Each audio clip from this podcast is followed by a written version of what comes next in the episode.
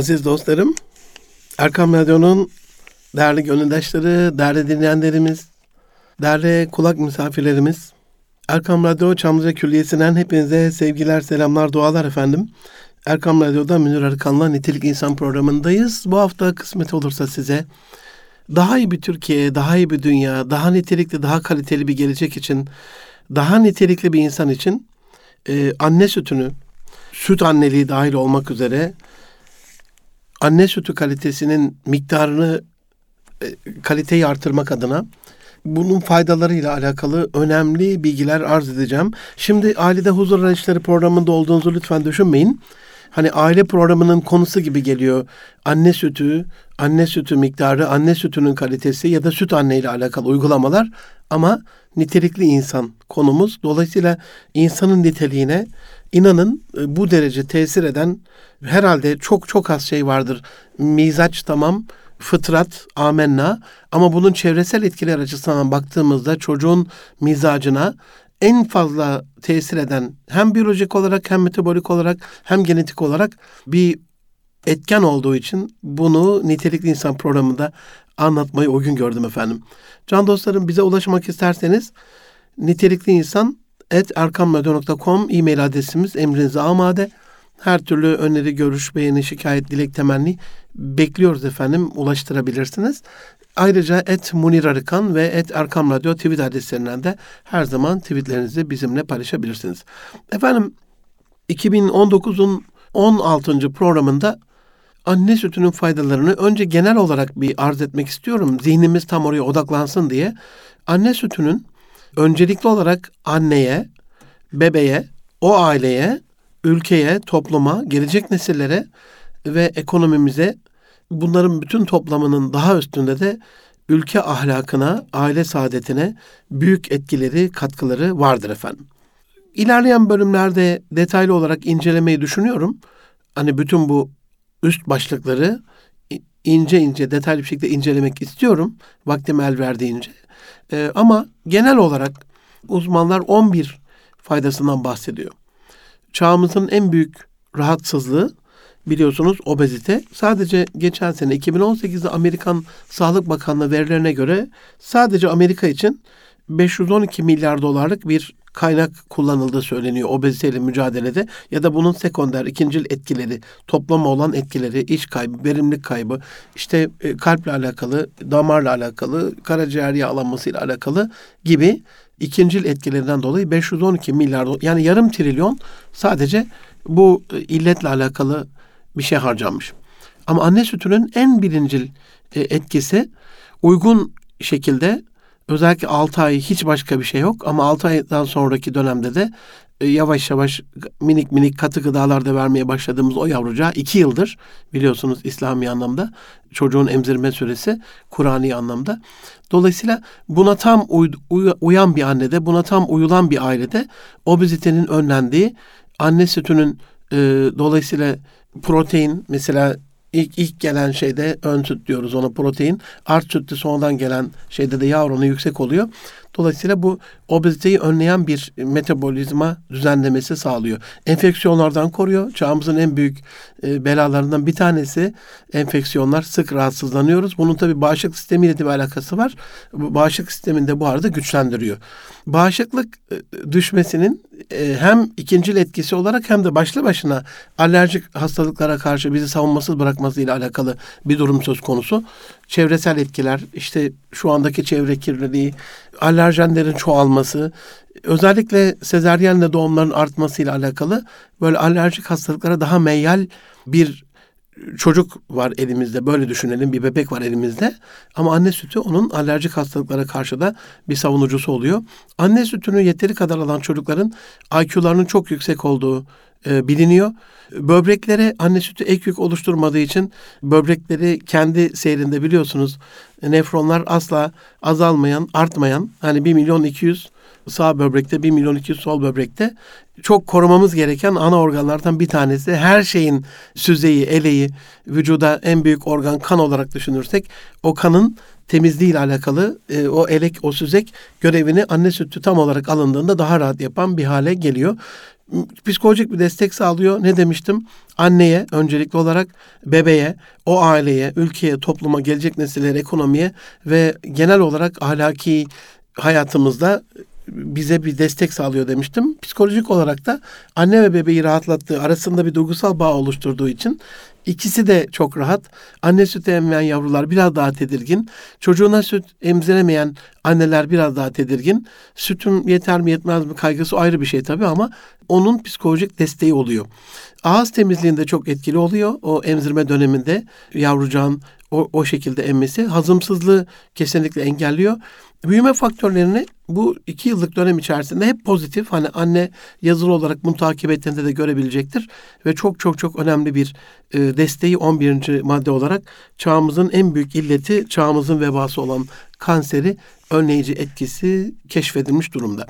Bu kadar faydalı olan, bu derece e, şifa olan, aslında çocuğumuz için vazgeçilmez bir ilaç olan anne sütünün faydasıyla alakalı bunlar zaten toplumca e, tavsiye edilen, doktorlarca bilinen ve tavsiye edilen, annelerce farkına varılan ve e, gerçekten bir miktar çok büyük bir hassasiyetle olmasa da yapılmaya çalışılan bir olay, bir eylem. Peki anne sütü faydalı ama bu faydayı nasıl tesis edebiliriz diye bir soru sorduğumda o zaman e, bize düşen bazı görevler çıkıyor. Erkam Radyo'da Nitelik İnsan programına da bu konuyu almamın bir sebebi de o. Biz de bu faydanın artırılmasını tesise destek olabiliriz can dostlarım. Aziz dostlarım, anneleri biz eğer anne sütünün ve çocuklara emzirmenin faydasını daha fazla artırmak istiyorsak, bu konuda bir bilinçlendirmek istiyorsak, anneleri çocuklarını emzirme ile ilgili daha fazla motive edebiliriz. Bununla alakalı kamu spotları, bununla alakalı filmler, bununla alakalı senaryolar yani bir zamanlar çok meşhur bir şey vardı biliyorsunuz. Issız bir adaya bir uçak düşmesiyle alakalı böyle 6-7 e, sezon süren Lost diye bir e, dizi. Kaderle alakalı incelenmesi gereken bir dizi olarak gördüm ben onu. Öyle de inceledim. Ama içerisinde o izlemelerimde, okumalarımda şöyle bir şey gördüm. Bir taraftan da bilinçaltında e, genç kızlara normal doğumu özendiren bir yapı vardı alt altyapısında. Yani Merak etmeyin. İstediğiniz her yerde bu normal tabii bir süreçtir. Her yerde normal doğum yapabilirsiniz. E, illa sezeryan olması, planlı bir e, doğum olması şart değil. Siz bunu başarabilirsiniz gibi bir psikolojik telkin veriyordu altyapıda. Aynen böyle biz de yaptığımız filmlerde, dizilerde o şiddet içeren şeyleri bir miktar ayıklayarak, e, filmleri daha hijyenik hale getirerek aile hayatına e, anneleri çocuklarını emzirmeyle alakalı daha fazla teşvik eden bir yapı kurabiliriz. Tabii ben böyle söyleyince hemen e, anneye devredelim bunu. Çocuğu annenin kucağına bırakalım. O kendi kendine yetsin, yavrusunu doyursun, ondan sonra emzirsin. E, çocuğu da büyütsün bir zahmet bizim çocuğumuzu. Bizim çocuğumuzu büyütsün. Bak e, bir de öyle oluyor. Ortaklık addediyoruz çocuğa. O zaman babaysak bizim çocuğumuzsa bu bu konuda babalara da bir görev düşüyor. Can dostlarım şu anda eşleri hamile bütün beyefendilere böyle yüreğimin en e, muhabbetli köşesinden serzenişte bulunarak, yalvararak sesleniyorum. Ne olursunuz anne sütüyle alakalı, süt anne ile alakalı ve bebeğin gelişimiyle alakalı en azından birkaç kitap okuyun. Eşiniz şu anda hamileyse, doğumu bekliyorsa emzirme döneminde çocuklarınız varsa, bundan sonra bir çocuk daha istiyorsanız, yeniden babalığı tadacaksanız, çevrenizde bu konuda akrabalarınız, arkadaşlarınızda öne, e, yol göstereceğiniz, önerilerde bulunacağınız insanlar varsa, hiç olmazsa bilgilenmek adına diyelim çocuğunuz da yok ama şu anda evli de değilsiniz. Yakın bir gelecekte evlenmeyi de düşünmüyorsunuz. Hiç önemli değil. Ya da çocuğunuz var e, artık daha fazla çocuk istemiyorsunuz. Bundan sonra baba olmayacaksınız. Çok yaşlısınız hiç önemli değil. Bu konuda bilinçlenmek adına toplumun bilinç düzeyini yükseltmek adına bütün toplumun entelektüel sermayesini artırmak adına ne olursunuz? Anne sütüyle alakalı, süt anne ile alakalı çocuğun anne sütüyle beslenmesi durumundaki gelişimiyle alakalı ve normal gelişimiyle alakalı birkaç kitap devirmenizi özellikle tavsiye ederim. Bizim anneye, babaya, aileye katkımız aile büyüklerini bilinçlendirerek de olabilir. Yani bu iş sadece annenin işi değil demiştim. Hanımefendinin annesini, aile içerisinde beyefendinin annesini yani eşimizin kayınvalidesini, kendi annemizi e, o anlamda e, kayınvalideleri, eltileri, görümceleri o evin içerisinde, o ailenin içerisinde, o yuvanın içerisinde gelin hanımefendiyle yani yeni doğum yapan ya da yapacak kızımızla ilgilenen, eli ona değen, bir şekilde ona yardım eden, ona dokunan, onunla konuşan, onu gören bütün aile üyelerini bu konuda bilinçlendirerek hanımefendiyi, anneyi, anne adayını daha yürekli hale, daha cesaretli hale, daha bilinçli bir hale getirebiliriz diye düşünüyorum. Emzirme süresiyle ilgili kanunlarda iyileştirmeler yaparak da biz e, anne sütünün etkisini daha fazla artırabiliriz. Maalesef bu konuda iyi örnekler batıdan geliyor. Hamilelik döneminden itibaren bir yıllık, iki yıllık izinlerin olduğu Avrupa ülkeleri biliyorum. Bizde eskiye göre biraz daha iyi olmasına rağmen biraz daha hani sanki şöyle şu andaki durum işte çocuğunu doğur biraz da emzir ondan sonra da gel hemen çalış. Bu konuda özel sektör başta olmak üzere devletin bütün kademesine anneyi anlamak adına e, yani yüreğim yanıyor can dostlarım nasıl izah edeceğim bilemiyorum. Mehmet abiyle de bazen baba komandada göz göze geliyoruz. Hocam diyor yine kızdın, sesini çok yükselttin, bana yakışmadığını düşünüyor. Haklısınız. Bu gönüldaşınıza öyle bağırıp çağırmak yakışmıyor ama yüreğim de yanıyor. İnanın nasıl anlatacağımı bilemiyorum. Şu anda çocuğun karakterinde, çocuğun gelişiminde ilk üç yaş, sonraki ikinci kademe ilk beş yaş, sonraki üçüncü kademe ilk yedi yaş ve son olarak dördüncü kademe on yaşa kadar bütün şey kapanıyor. Hard diske ne yazdınız? Çocuğa ne verdiniz? O kadar. Özellikle ilk üç yaşla alakalı zaten ikisi emzirme dönemi oluyor bunun. Aileyi bu konuda bilinçlendirmeden, kanunlarda bu konuda iyileştirmeler yapmadan, anneyi bebeğinden ayırarak, anneyi o çocuğunun karakterini en fazla şekillendireceği bir vakitte hem anneyi hem babayı bebekten ayırarak, onu bir bakıcıya teslim ederek, onu e, babaanneye, anneanneye, bir aile üyesine teslim ederek bilmiyorum nasıl sağlıklı bir nesil yetiştireceğiz. Ee, çocuklarımızın karakterinde nasıl söz sahibi olacağız ee, onu bilmiyorum. Yani şu anda çocuk gelişim açısından karaktere en fazla tesir eden çevresel faktörlerde bilgisayar oyunları bir numarada. Bunu çocuk filmleri, çocuk çizgi filmleri, ondan sonra diğer filmler, diziler, televizyonlardaki yarışmalar, işte toplumsal manada fenomen olmuş e, insanlar, müzik grupları gibi böyle etkileyen faktörler sayılmıştı geçen bir bilimsel makalede. Çok çok yüreğim yandı. Yürek yangınımı mazur görün. Kanun olarak da biz bizi yöneten dostlarımızdan gelin hanımın hayatını kolaylaştıran hakikaten çalışma hayatında ekonomik katkı birse o hanımefendinin kendi çocuğuna vaktini ayırdığında, onunla alakalı vakit geçirdiğinde, onu terbiye ettiğinde bunun ülkeye, ekonomiye katkısı 7 olacaktır, 10 olacaktır. Dolayısıyla biz 10 kat verimlilikten e, imtina ederek, vazgeçerek bire birlik bir katı daha fazla bir şey alacağız diye 9 birimlik faydadan vazgeçmeyelim, mahrum kalmayalım diye düşünüyorum. Aile hekimliğinde anne sütünün öncelikli bir konu haline getirilmesi, e, orada özellikle hamilelik döneminde ilaç kullanımının önlenmesi, koruyucu hekimliğin artırılması, alternatif tıp yöntemlerinin e, bir şekliyle e, hamile kızımızın hayatında biraz daha etkili olması için bir şeyler yapılabilir diye düşünüyorum.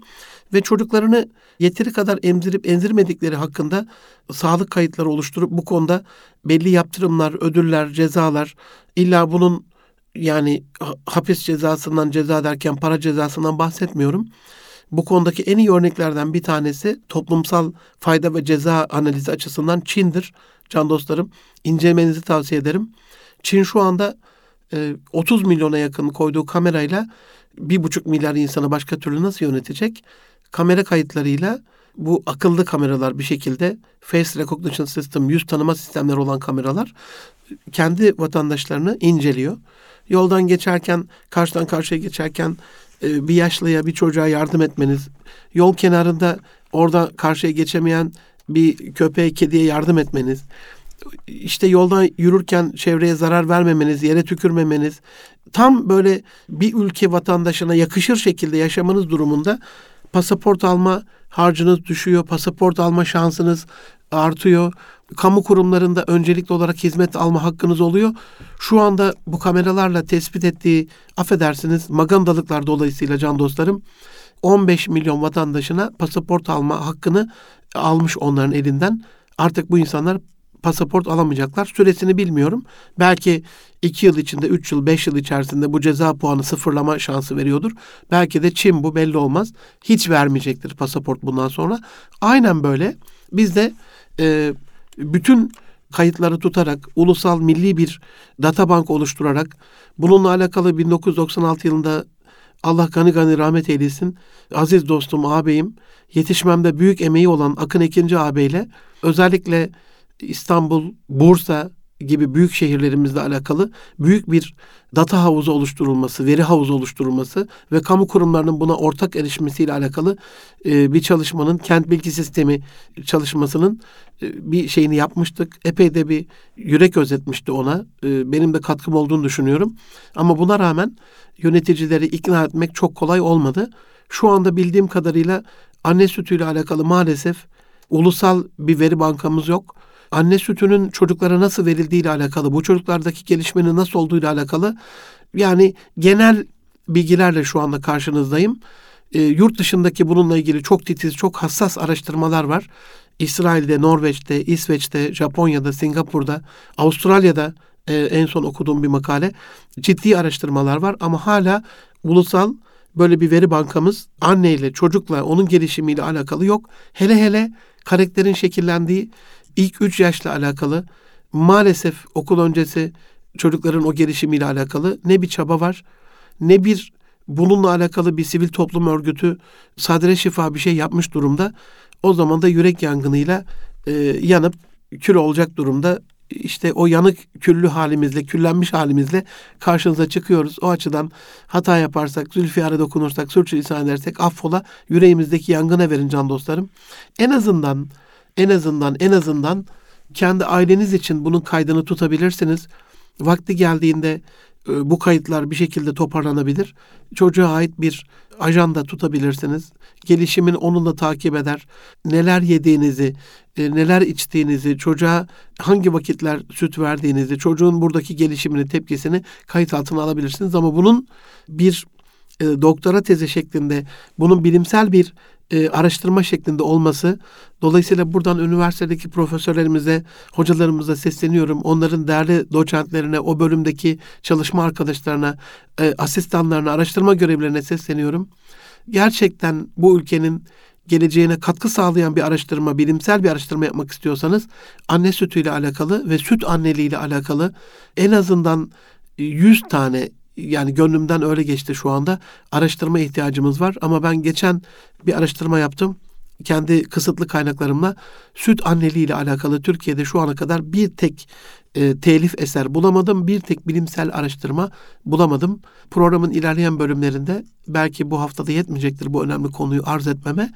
E, hem e, anne sütü hem de yettiği ya da yetmediği durumlarda süt anneliği ile alakalı bazı bilgiler de vermeye çalışacağım aziz dostlarım.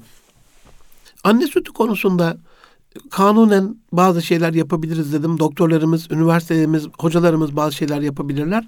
Ama halkı da bilinçlendirme ile alakalı hem sivil topluma, vakıflara, derneklere hem okullarımıza, Milli Eğitim Bakanlığı'na 16 milyon, 18 milyon öğrencimizi yetiştiren 18 milyon öğrencimize eli dokunan bakanlığımıza çok büyük bir iş düşüyor.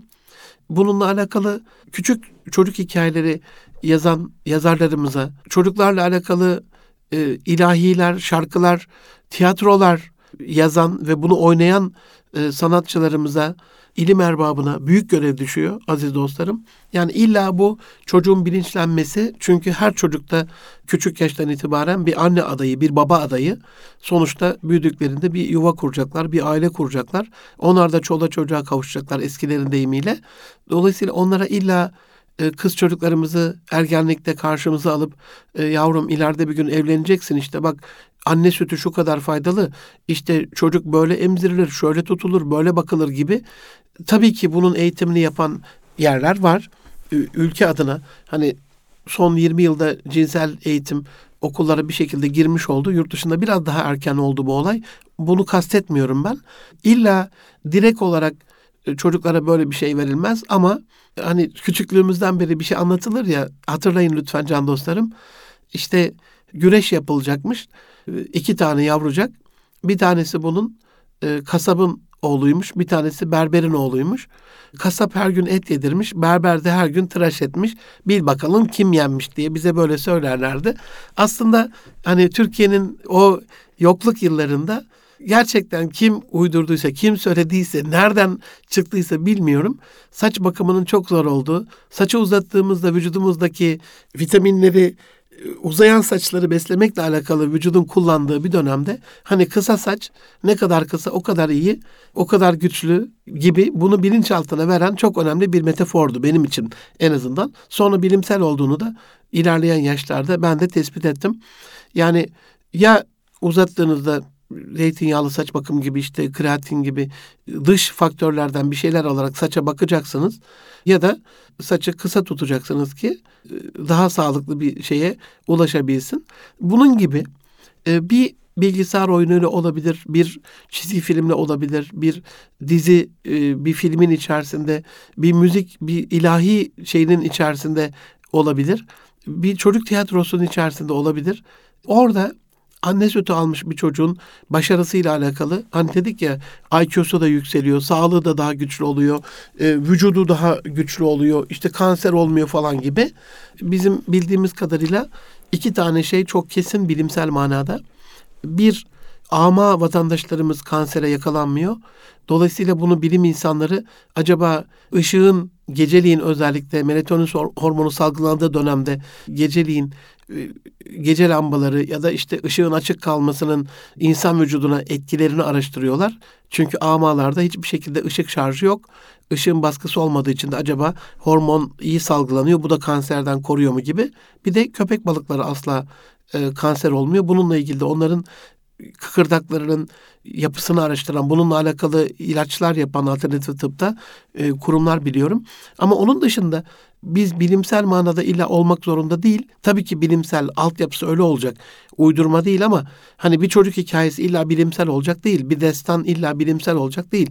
Kültürel kodlarımızla, kadim değerlerimizle de bunu meczedebiliriz, örtüştürebiliriz. Çocuğa düşündüren, ondan sonra soru sorduran, aa demek ki anne sütü çok değerliymiş dedirten bir tarzdaki yaklaşımımız onu ileriki hayatında düşünün mesela vardır çocukluğumuzda görmüşüzdür böyle bir küçük kasaba esnafına, bir il ilçe esnafına girdiğinizde 40 yıl önceki şu anda çok fazla görmüyorum. Anadolu'da var gerçi. Hatırlayın peşin veren, veresiye veren iki tane tüccar. Soldaki veresiye veren per, perme perişan olmuş. Kasa tam takır açık bir kasa saçlar hırpani. Sağda peşin veren kasayı açıyor. İçinde banknotlar dizilmiş böyle falan gibi. Hani böyle bir şey çok görmüşüzdür. Ne oldu bu? Çocukluğumuzdan beri o resim bize veresiye çalışmamayı, peşin çalışmayı bilinçaltına vermiş oldu. Bu anlamda da özellikle son bir iki aydır araştırmamda Batı'da çocuğa din empozesinin, bu empozeyi bile ağır oldu burada ama çocuğun dini terbiyesinin çocuk tacizi kabul edildiği bir anlayış hızla e, yaygınlaşıyor aziz dostlarım. Bu çok büyük bir tehlike. Yani anneler babalar çağdaşlık adına, demokratlık adına, empati kurma adına, özgürlük adına çocuklarına herhangi bir dini eğitim vermiyorlar. Vermemeyi tercih ettikleri gibi başkalarına da verdirmemeye çalışan bir ekol hızla yaygınlaşıyor. Dolayısıyla çocuğa din eğitimi veren anne babaları çocuk tacizcisi, tacizcisi gibi gören e, ve bunun ileride bu sözümü lütfen unutmayın. Anneyi babayı cezalandıran hani Avrupa Birliği'nin İnsan Hakları Mahkemesi'nde en son Türkiye'nin yargılandığı ve kaybettiğimiz davada mecburi din eğitiminin uygun olmadığı ile alakalı bir kanuni görüş belirtmişlerdi ya. Batı'nın dini olmadığı için ahlakı, etik et, etik e, şeyleri olmadığı için hani onun olmasıyla alakalı da bir çaba olmadığı için ne kadar sapkınlık var, fuhşiyat var. Özgürlük adına bunun olması lazım diye düşündüğü için onlardan da öyle bir kaygı beklemeyin. Ama orada kabul edilen bir şeyde hızla dünyaya yayılıyor. Bu tehlikenin de farkına varın diye söylüyorum. Dolayısıyla nasıl ki onlar çocuğa din eğitimi vermeyi bile yavaş yavaş çocuk tacizi kabul ediyorlar. Biz de anne sütünden mahrum bırakmayı çocuk hayatının bir kasıt olarak görebiliriz. Tabii bunu söyleyince sanki güldüğünüzü görür gibi oluyorum hocam. Biz daha sezeryenle alakalı, biz daha kürtajla alakalı sınıfta kalan bir ülkeyiz. Ee, işte benim vücudum, benim bedenim, istediğim gibi çocuğu keserim, biçerim gibi yürüyüşlerin, nümayişlerin olduğu bir Türkiye'de. Tabii bunu ben de sizler gibi hatırlıyorum. Bu konuda benim de gönlümün bir, bir tarafı yanık. Ama en azından kendi konuşmalarımızla yazarlarımız, seminercilerimiz, radyo programcılarımız bunu sıklıkla gündeme getirip anne sütünden mahrum bırakmayı bir çocuk hayatının bir kasıt olarak e, gösteren gönlü yanık şiirler, yanık konuşmalar, çok tesirli böyle insan gönlünü e, değiştiren ya da gönle giren belagat cümleleri kurabilirler. E, bu konuda halkı bilinçlendirebiliriz, halkımızı bilinçlendirebiliriz gibi düşünüyorum. Aziz dostlarım, kısa bir ara vereceğim. Ama konu çok önemli bugünkü konu. Ne olursunuz çevrenizde hamile akrabalarınız varsa, tanıdıklarınız varsa, yeni doğum yapan hanımefendiler tanıyorsanız programın ikinci yarısıyla alakalı da ilk yarısıyla alakalı da bu programımızdan onları lütfen haberdar ediniz. Hem onların psikolojisine, hem bebeğin psikolojisine, hem ülke ekonomisine, hem ailenin ekonomisine, hem çocuğun sağlığına, hem annenin sağlığına bu derece tesis eden, genlerimize tesis eden çok önemli bir konuyu inceliyoruz. Şimdi özellikle hamilelik ve lohusalık döneminde bununla alakalı nelere dikkat edebiliriz? Anne sütünün etkisini nasıl artırabiliriz? Bu konuda hanımefendilere nasıl destek olabiliriz kısmında bazı küçük e, tavsiyelerde bulunacağım. Özellikle bunun psikolojik destek olduğunu düşünüyorum. Dolayısıyla hanımefendilerin psikolojisini düzeltmesi lazım, güçlendirmesi lazım. Çevresinden bu konuda destek alması lazım. Son üç ay hele hele çok çok önemli. Zihnimizde kehanet kendini gerçekleştirdiği için özellikle şu anda bizi dinleyen hamile hanımefendilere yani sütüm yeter mi yetmez mi gibi bir kaygıyı zihinlerinden silmelerini istirham ediyorum. Son üç aydan itibaren zaten biyolojik olarak Rabbimizin bir ayarlamasıdır o yavrucağı sahipsiz bırakmayacaktır. Mutlaka rızkını gönderecektir. Yeter ki biz ona uygun davranışlarda bulunalım. Anadolu'da özellikle doğumdan sonraki bu 6 hafta o 45 günlük özel lohusalık döneminde inanılmaz yani çocukluğumun o küçük kafasıyla bile evdeki değişiklikleri hisseden bir yere gittiğimizde o evde bir lohusa var gibi onun ona hürmet edilen, dikkat edilen, destek olunan bir dönem vardı. Şu anda e, çok özür diliyorum bu kelime için ama kim kime dumduma oldu. Gelin hanımefendiler kendi kaderleriyle baş başa bırakıldı. Bu konuda kayınvalideler maalesef aman ne olacak biz de doğurduk gibi bu doğum olayını ve doğum sürecindeki öncesi, esnası ve sonrasındaki dönemde belki evlatlarının kendi gelinlerine yapacakları o desteği biraz fazla abartılı buldu. Belki kıskançlık girdi araya bilmiyorum ama bu döneme çok dikkat edilmesi gerektiğini düşünüyorum. Bütün destekleri yavrucak hatırına, doğacak veya da doğmuş yavrucak hatırına, gelecek neslimiz ve zürriyetimiz hatırına Allah rızası için hanımefendinin, annenin ve anne adayının psiko, psikolojisini düzeltecek şekilde, e, rahatlatacak şekilde ayarladığımızda sonuç çok daha etkili olacaktır. Bu konuda Esma Hüsna'nın daha fazla dinlenmesi, Kur'an-ı Kerim dinlenmesi, klasik müzik dinlenmesi, böyle sufi müzikler özellikle Develops Your Baby's Brain diye seriler var. Beyni, bebeğinizin zekasını geliştiren tarzı. Ya da mesela şu anda bizi dinleyen hamile hanımefendiler varsa ellerini böyle karınlarına tutarak çocuklarıyla konuşma modunda, onlara bir şeyler anlatma modunda e, sadece bir hikaye bile okusalar bir duygusal bağ olacağını düşünüyorum. Bunun ha, hamile hanımefendilerin psikolojisini düzelteceğini de biliyorum. Dolayısıyla süt e, psikolojiden çok etkilenen bir şey. Bazen hani sütü kesildi falan diye söylenir. O açıdan aile üyelerinin birbirine çok iyi davranması, eski defterleri açmaması, kavgalardan kaçınması çok çok önemli. Mümkünse bu konuda yani masajla alakalı bir ilim alınması e, bu çok önemli bir husus. Duşun nasıl yapılacağıyla alakalı hepsi bir ilim dahilinde. Bununla ilgili bebeklerle ilgili bebeklerin nasıl yıkanmasıyla alakalı geçen bir video paylaşmıştım. Yani bunun her şey bir ilim ama bunun da özellikle çocuğa dokunan e, yönünün, her yönünün bir ilim olduğunu unutmamak lazım. Ayaklarımız eğer hamileler için söylüyorum 20 santim yukarıdaysa bu büyükler için de geçerli. Dedem rahmetlik mesela hep öyle uyurdu. İki yastığı birbirine bağlayıp ayağının altına koyardı. Bunun kalbi çok desteklediği, kalbi rahatlattığı ile alakalı bilimsel veriler var elimizde. Uykunun kalitesini artırdığı ile alakalı da şeyler var. Sadece kalple alakalı değil, ayakta bir hayat ya da durağan bir hayat sürekli stable bir şekilde dolayısıyla varis olmaya daha yatkın bir e, damar yapımız oluşuyor. Dolayısıyla en azından gece e, 4-5 saat, e, 6-8 saat ne kadar uyuyorsanız e, ayakların yukarıda olması kalbi de rahatlatıyor, yormuyor. Beyne daha fazla kan geliyor, daha fazla düşünen bir hale geliyorsunuz. Ayaklarda varis olma riskinden uzaklaşıyor. Uyuduğunuzda sessiz bir ortamın olması, kaygılardan böyle abartmadan her şeyin bir çaresi var diye düşünerek bir tasa çıkartmamak, sürekli pozitif düşünmek, kafaya dert atmamak, rahat olmak. Böyle özellikle her gün hamile kız kardeşlerimiz, hanımefendiler için ve anneler için, anne adayları için her gün böyle özellikle son 3 ayından itibaren hamileliğin son her dönem yapılabilir bu ama hani emzirme dönemi bu çok çok daha güzel. Geçenlerde bir e, bilimsel bir araştırmaya rastladım. Şu anda Türkiye'de de bunun uygulanmasıyla alakalı koçluk yaptığım bir grupla görüşme halindeyim. Onlar da kabul ettiler projeyi. Sadece uygulamasıyla alakalı birazcık bir e, yapılması gereken şeyler var. iş adımları. Henüz daha yolun başlangıcındayız ama bu rastladığım şeyde bilimsel çalışmada Almanya'da René Pijl diye bir arkadaşımız, Nalband kendisi, ineklere tırnak bakımı yapmış. Pedikür yani tırnak bakımı yapılan ineklerin süte daha fazla mutluluk hormonu salgıladığı, süt veriminin daha fazla arttığı. Yani ben masaj derken, masajla alakalı bir şeyler öğrenin derken, duşla alakalı, banyo ile alakalı bir şey öğrenin derken, bunun böyle kendi kişisel bakımınızla alakalı işte ayak bakımı, ayak tırnak bakımı bunu söylerken kafadan atmıyorum bunları ne olursunuz. Yaptığımız her bireysel çabanın artı ve eksi anlamda vücudumuza bir tesiri var can dostlarım.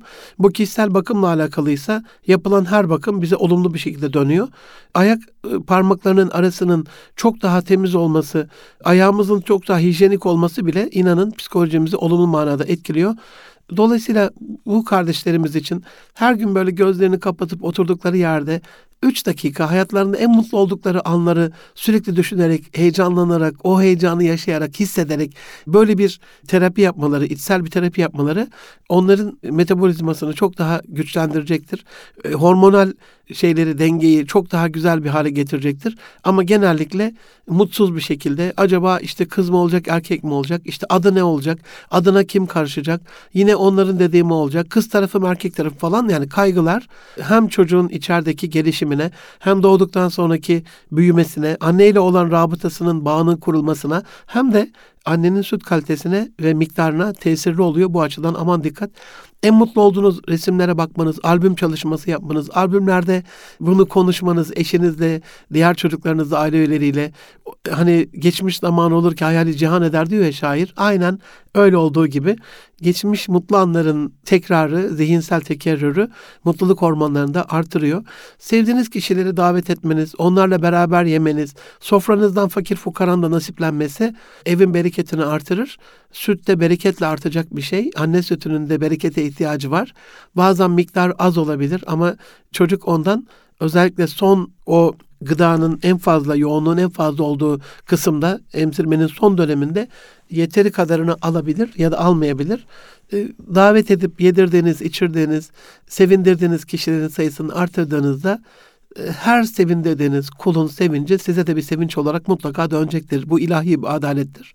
Bu dönemde istemediğiniz bazı şeyleri erteleyebilirsiniz. Erteletebilirsiniz. E, bu konuda bir anlaşma yapabilirsiniz. Yani şu anda bunu konuşmayın. Şu anda o kişi evinize gelmesin. Şu anda onunla görüşmeyin gibi. Yani anneyi önceleyen ama daha sonra da bunu doğumdan sonra işte emzirme döneminden sonra çözeceğiniz bir yapıya kavuşturabilirsiniz. Olumlu düşünebilir, olumlu bir günlük yazabilirsiniz. Olumlu kelime sözlükten e, çok basit bir şeydir. Hem zihinsel bir tefekkür sağlar, derinlik sağlar. Hem beyindeki nöronları aktive eder. Bütün nöronların birbiriyle iletişimini güçlendirir. Sözlük çalışmasında tınısı, artikülasyonu, manası, ahengi, telaffuzu hoşunuza giden, içeriği güzel kelimeleri fosfor bir kalemle çizip böyle gün içerisinde onları konuşur bir hale gelirseniz olumlu kelimeler, olumlu kader öyle düşünüyorum ben. Bebeğinizin gelişimini böyle sistematik bir kayıt altına alırsanız bunun ülke açısından da büyük bir değer olduğunu düşünüyorum. Güvenilir, Allah'ın huzurunda aldatmayan bir şekilde neyse onu yazarak bu kayıtların ileride ulusal veri bankamızla alakalı inanılmaz bir şey olacağını düşünüyorum. Osmanlı böyle bir uygarlıklı can dostlarım. Son dönemde e, Cumhuriyet'in ilk yılları o kadim medeniyet ve onların bize bıraktığı miras tarumar edilmeseydi, yağmalanmasaydı, tren tren katar katar böyle Osmanlı evrakları, vesikaları yakıt olarak böyle yakılmak üzere Bulgarlara falan Yunanlara yollanmasaydı o kadim medeniyetin şu anda e, hatırasını çok daha canlı bir şekilde ne olmuş Mesela şu anda arşivlerde Osmanlı'yı Amerikalılar araştırıyor. Nasıl olmuş da 72 millet, 4 kıta bir devlet tek ruh bir şekilde idare edilebilmişler. Osmanlı nasıl bu coğrafyada bu kadar uzun süre hakim olabilmişin, nasıl kodları varsa bunun ekonomik, bunun aile, bunun şu andaki bugünkü konumuzla alakalı süt anneliği, anne sütü, e, emzirme dönemi, çocuğun sağlığı gibi koruyucu hekimlikte ya da alternatif tıpla alakalı evde yapılan e, bu desteklerinde e, şu andaki insanlık tarihi açısından çok büyük bir ihtiyaç olduğunu düşünüyorum. Bu açıdan bu bölümle alakalı söyleyeceğim en önemli şey sadece annenin görevi değildir emzirme. Evet emzirme fiil olarak annenin yaptığı bir şeydir ama emzirme sadece anneye e, devredilecek sadece anneye bırakılacak e, bir sorumluluk değildir. Bu sorumlulukta babanın da bir payı vardır.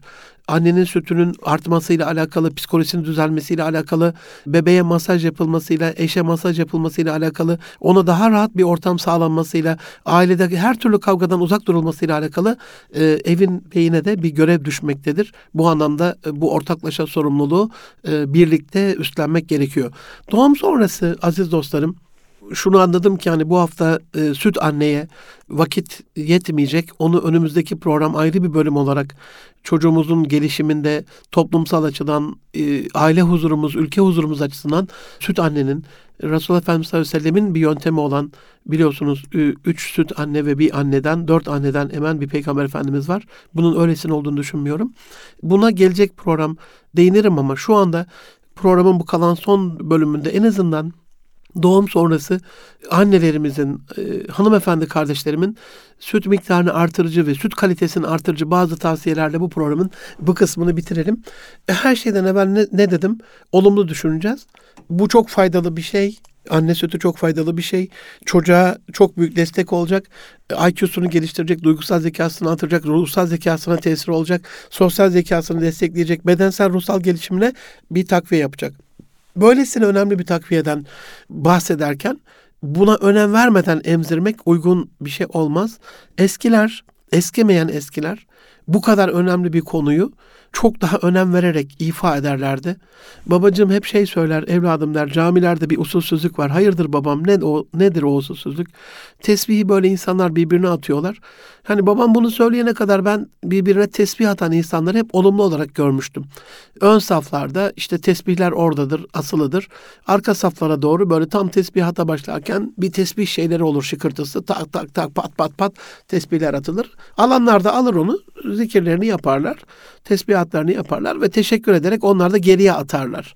Ama nezaket, dinimiz bir nezaket dini. İslam bir uygarlık ve medeni olma, medeniyet yarışı. Ee, babacığım şöyle söyler. Oğlum der, evladım o bir ibadet aracı. Bunun atılması uygun değil. Ben der bu yaşlı halimle öyle ön saftaysam birine bir tesbih verilecekse kalkarım. Böyle edepli bir halde onu takdim ederim. İncelik tabi zarafet güzel bir şey. Ee, bunu niye söyledim? Nasıl ki tesbihi öyle pat pat atmak bir ibadet aracına hürmetsizlik e, uygun değilse, e, emzirme çok çok önemli. İnsan hayatının bütün bundan sonraki kalitesini etkileyen bir ibadet şekli. Bunun bir ibadet olduğunu düşünüyorum. Bir anne ibadeti, bir aile ibadeti. Her anı yaptığımız işin Allah rızası içinse bir ibadet diye o anlamda söylüyorum. E, ve Allah'ın da bir emri olduğuna göre Kur'an'da evet namaz kılmak gibi, oruç tutmak gibi, hacca gitmek gibi, e, iyilik yapmak gibi, anne babaya iyi davranmak gibi bir ibadet. Bebeğe iyiliği annenin onu emzirmesiyle, ona şefkatiyle oluyor. E, sözümün arkasındayım o açıdan. Bu bir ibadettir.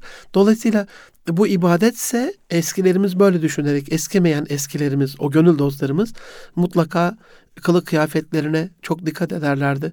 Çok ne olur beni affedin anlatmanın başka bir yolu yok. Koltuk altı terlerine çok dikkat ederlerdi. Bu temizlerlerdi.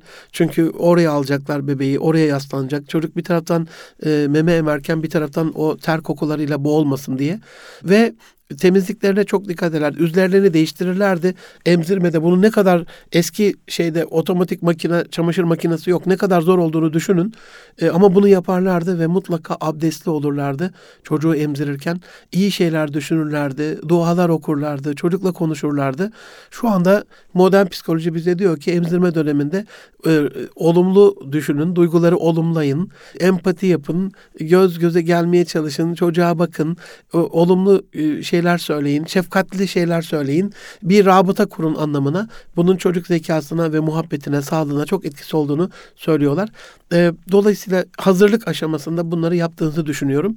Kısa bir süre emzirdikten sonra bunun tekrar hani bebek almıyorsa tekrardan falan almayacak gibi düşünmeden tekrar bir daha denemek denemek e, ve bebek iyice emmeden bırakmamak e, sütün besleyici kısmı emzirme süresinin sonunda olduğuna göre biraz sabırlı davranmak biraz şefkatli davranmak hafif böyle kibar dokunuşlarla bebeğe e, sağ elinizle eğer soldaysa sağdaysa sol elinizle ama sağ elle masaj çok daha güçlü bir büyü enerjidir. E, hafif dokunuşlarla küçük böyle sözlerle tatlı böyle dille güzel bir şeyler söylemek bebeği o açıdan mutlu edecektir. O mutluluk sizin mutluluğunuz bir şekilde onun psikolojisine yansıyacaktır. Psikolojinizi mutlaka iyi tutun, yüksek tutun, olumlu tutun. Bu emzirme dediğim şey can dostlarım sadece e, bir beslenme değil. Bebek sadece anneden besin almaz, enerji de alır, moral de alır, motivasyon da alır, inanç da alır, itikat da alır, bir dünya görüşü alır, bir ruh hali ona kopyalanır. Genetiği onunla oluşur. Dolayısıyla bunun bir e, sanki beyinden beyine bir telepati gibi şu anda bilimsel olarak ispatlandı biliyorsunuz. Telomer dediğimiz şeylerde özellikle şu anda hele geçen hafta bir astronotla alakalı bir bilimsel çalışma yapıldı. Uzayda geçirdiği zaman zarfında telomerin yani kromozomun alt yapısında kuyruk yapısındaki şeyin uzadığı yapı telomer diyoruz ona. Kromozomun yap, yakıt şeyi pili diyelim enerjisi. Uzun telomerler kromozomun ekinde uzunsa kuyruk kromozomun kuyruğu öyle söyleyeyim öyle değil ama anlatabilmek adına ömür uzun oluyor. Kısaysa telomer kısa oluyor ömür. Uzayda uzaya çıkıp gelen bir müddet orada kalan astronotlarda bunun biraz daha uzadığı görülmüş. Aynı böyle anne sütü alan, anne sütü alırken de psikolojisini gayet güzel, rahat, böyle iyi, olumlu tutan, yüksek enerjiyle tutan anne ve bebek iletişiminde bunun telomerlere de etkisi olduğu bilimsel olarak kanıtlanmış. Dolayısıyla bu bir sadece besleme değil yani anne bir catching hizmeti vermiyor orada. Bir sevgi hizmeti bu. Bir dokunma hizmeti, bir masaj yapma, bir konuşma, bir e, iletişim kurma süreci. Buna dikkat ettiğimizde inşallah çocuğumuzla alakalı geleceğimiz adına bunun ekonomik yönü de var. Yani ne kadar bağışıklık sistemi yüksek çocuk yetiştirirsek, IQ'su yüksek çocuk yetiştirirsek, ne kadar ilaçlardan uzak tutabilirsek onları bu anne sütüne bağlı. Bu anlamda hamile kardeşlerime, yeni doğum yapan kardeşlerime, e, şu anda çocuklarını emziren kardeşlerime ve onların eşlerine, annelerine, babalarına, bütün aileye topyekün bir seferberlik hali düşüyor. Bu topyekün Nitelik İnsan programında bunları anlatıyorum aziz dostlarım. Ülkemizin kalitesini, aile saadetimizi ve çocuklarımızın genetiğini, başarısını etkileyecek, Türkiye'mizin, dünyamızın geleceğini etkileyecek bir olay. Bu derece önemli bir konuda en azından gelecek haftaya kadar bir kitap okuyarak programın ikinci bölümü gelecek hafta dinleyebilirsiniz. Gelecek hafta görüşünceye kadar hoşça kalın. Allah'a emanet olun efendim.